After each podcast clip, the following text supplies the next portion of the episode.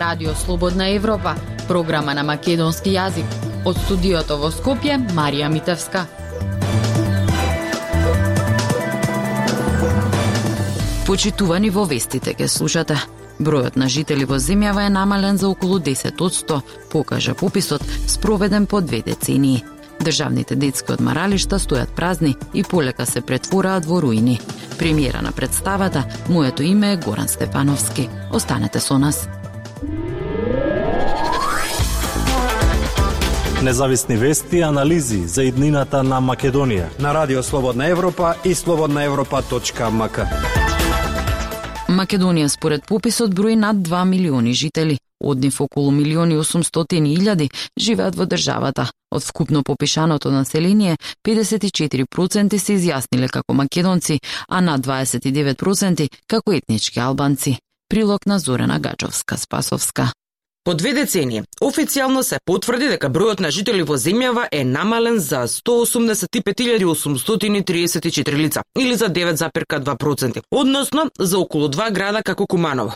Вкупно попишано население во земјава изнесува 2 милиони 97 319 лица, од кои 1 милион 836.713 живеат во државата. Нерезидентно население, односно луѓе кои повеќе од една година не живеат во земја опатени со попусот изнесува 260.606 лица. Не се попишани на терен вкупно 132.260 луѓе за кои податоци се преземени од административни избори. Последниот попис во 2002 година покажа дека земјава брои 2 милиони милиони 22.547 жители. Попишувачите забележале 207 испразнети населени места. На ниво на целата држава, во споредба со податоците од пописот 2002, вкупното население е намалено за 834 лица, или за 9,2%. Изјави директорот на Заводот за статистика Апостол Симовски. Во политизираната македонска реалност, во фокусот на интересот на јавноста се податоците за бројот на резидентно и нерезидентно население во земјата, како и проценти на двете најголеми етнички заедници. Во однос на етничките заедници во земјава, од вкупно попишаното население, 54,21% се изјасниле како македонци, додека 29,52% се изјасниле како етнички албанци. Од вкупното резидентно население во земјава, 58,4% од населението се изјасниле како македонци, а 20 24,3 како етнички албанци, 3,86% како турци, потоа 2,53% како роми, како власти се изјасниле 0,47% како срби 1,3% и 0,87% како бошњаци. Најголема промена во однос на предходниот попис во 2002 година има кај бројот на етнички македонци. Во 2002 година имало скоро 1,3 милиони македонци, односно над 64% од населението. Пати македонци се сите етнички заедници, но процентот на застапеност не се разликува многу во однос на предходниот попис. Сепак 132.000 луѓе се попишани административно. И кај нив не е заведена етничката припадност, а тоа е бројка која што сериозно може да влие на промена на овие проценти. Некои македонски политички партии и движења повикуваа на бојкот на пописот. Една од темите кои се наметна во македонско-бугарските преговори е положбата на бугарското малцество во Македонија или македонските бугари. Од Софија велеат дека се околу 100.000 македонски граѓани имаат бугарски пасоши и очекуваат тоа да се рефлектира и на пописот. Сепак, според објавените резултати, Само 3504 македонски граѓани се изјасниле како етнички бугари, што е 0,19% од вкупниот број на населението. Пописот во Македонија е тема со силен политички навој, зошто според уставот од резултатите зависи и остварувањето на колективните права на заедниците пред супотребата употребата на јазикот и правичната застапеност во администрацијата. Радио Слободна Европа, светот на Македонија. Детските одморалишта се градени на најатрактивните и чисти локации во недопрена природа, но стојат празни. Државата неколку пати се обиде да ги продаде, но не се најдоа купувачи бидејќи се непрофитабилни. Повеќе од Јасмина Јакимова. Облечен во костум, со машна и скейтборд, битолчанецот Иван Чулаковски и овој март се спушти по Пелистер, за да побара детското одморалиште Пелистер државата да го отстапи на користење на општина Битола. Веќе трета година поред, Чулаковски, кој инако е советник од независната листа поинаку, вака се обидува да го привлече вниманието на јавноста за потребата да му се врати сјајот на Пелистер како туристички центар. Вели дека детското одморалиште е едно од најубавите места во Битола. Затоа сега е разочаран кога гледа како местото буквално се распаѓа. Смета дека битолчани сами подобро ќе се грижат за објектот и убеден е дека со враќањето на одморалиштето во функција ќе се вратат не само децата, туку и туризмот на Пелистер. Значи едно убаво и култно место кое што неколку влади предходно го ветува, каде што луѓе изградија политички кариери на тоа детско одморалиште, меѓутоа еве ден денес е во катастрофална состојба, објектот се распаѓа само од себе и мислев дека е време како нова да кажам локална власт во Битола да да пробаме да го побараме од владата и од Министерство за труд и социјала. Одморалиштето Пелистер сега дели судбината со уште пет други вакви објекти, врз кое корисничко право има Министерството за труд и социјална политика. Однев единствено мајски цвет во Струга. Изминатите две години било користено како летувалиште за деца од социјален ризик. Десет одморалишта беа продадени во периодот од 2009 до 2016 година, откако државата реши да ги приватизира објектите. За останатите, како што појаснуваат од Министерството, владата треба да каже што ќе се прави со нив, дали ќе се реновираат, обноват или продадат. Нивната заложба е тие да ја задржат својата основна намена, односно да бидат во функција на потребите на децата од наливите семејства, но и за сите деца во државата. Сместено во срцето на Кожув планина, детското одмаралиште Михајлово со нови газди започна да работи во 2013 година. Како што објаснува раководителот Лјупчо Глигоров, продажбата била клучна за објектот да остане во функција. Задоволен е што неодамна е реновирани патот до објектот, бидејќи тоа е основно за нивната работа. Значи, инфраструктурата е основа за развој на, на секој бизнис, на по гостителство, по многу зависно од тие работи. Али добро е што ова се функционираше од, од предходниот систем од бивша Југославија, уште како баралиште и до тогаш се е било до таму донесено, иначе сега да правиш нешто такво планина, тешко е да, нели, да се донесе до струја вода, канализација. Ако Михайлово релативно брзо се продаде, деското од моралиште Пелистер неколку пати досега беше понудено на продажба, но немаше успех. Неговата процената вредност е на околу 700.000 евра. Во 2006 година било издадено под закуп на вработените во време трајање од 20 години, но договорот во меѓувреме е раскинат. Затоа што планира да прави владата со детските одмаралишта кои се во државна собственост. Оттаму само кусани упатија на антикризните мерки усвоени на последната седница, со кои се бара рационализација на трошоците во јавниот сектор. Сепак Витолчанецот Чулаковски се надева дека државата ќе има слух за нивното барање, со цел да се спречи целосно пропаѓање на објектот.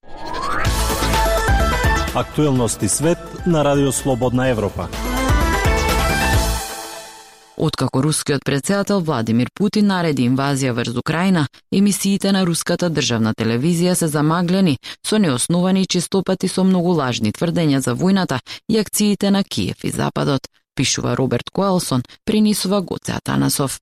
Изданието од 26 март на ток-шоуто Твојата собствена вистина со Роман Бабајан на руската телевизија NTV беше отворено со монтажа на кратки клипови од луѓе представени како граѓани на украинскиот пристаништен град Мариупол, кој е уништен од руски бомби, ракети и гранати откако Москва ја нападна Украина на 24 февруари. Една жена тврдеше дека украинските сили ќе пукаат во децата на игралиштата како ништо. Гневен маж вика, тие фашисти, тие копилиња, тие наркомани. Еден момент подоцна првиот гостин на емисијата, главниот уредник на државната телевизија, Маргарита Симонијан, се чинеше дека ги воздржува солзите околу чудните и срамотни тврдења, дека украинските сили ги гаѓаат децата со забранетни касетни бомби, дека украинците не ги сметаат русите за луѓе, дека украинските лекари повикале да се кастрираат руските воени затвореници и дека украинските нацисти се подготвени да им ги извадат очите на децата врз основа на нивната етничка припадност. Руската влада лажно инсистира дека најзината војна против Украина не е војна, туку специјална воена операција и наведува дека незините главни цели се денацификација и демилитаризација на соседната земја.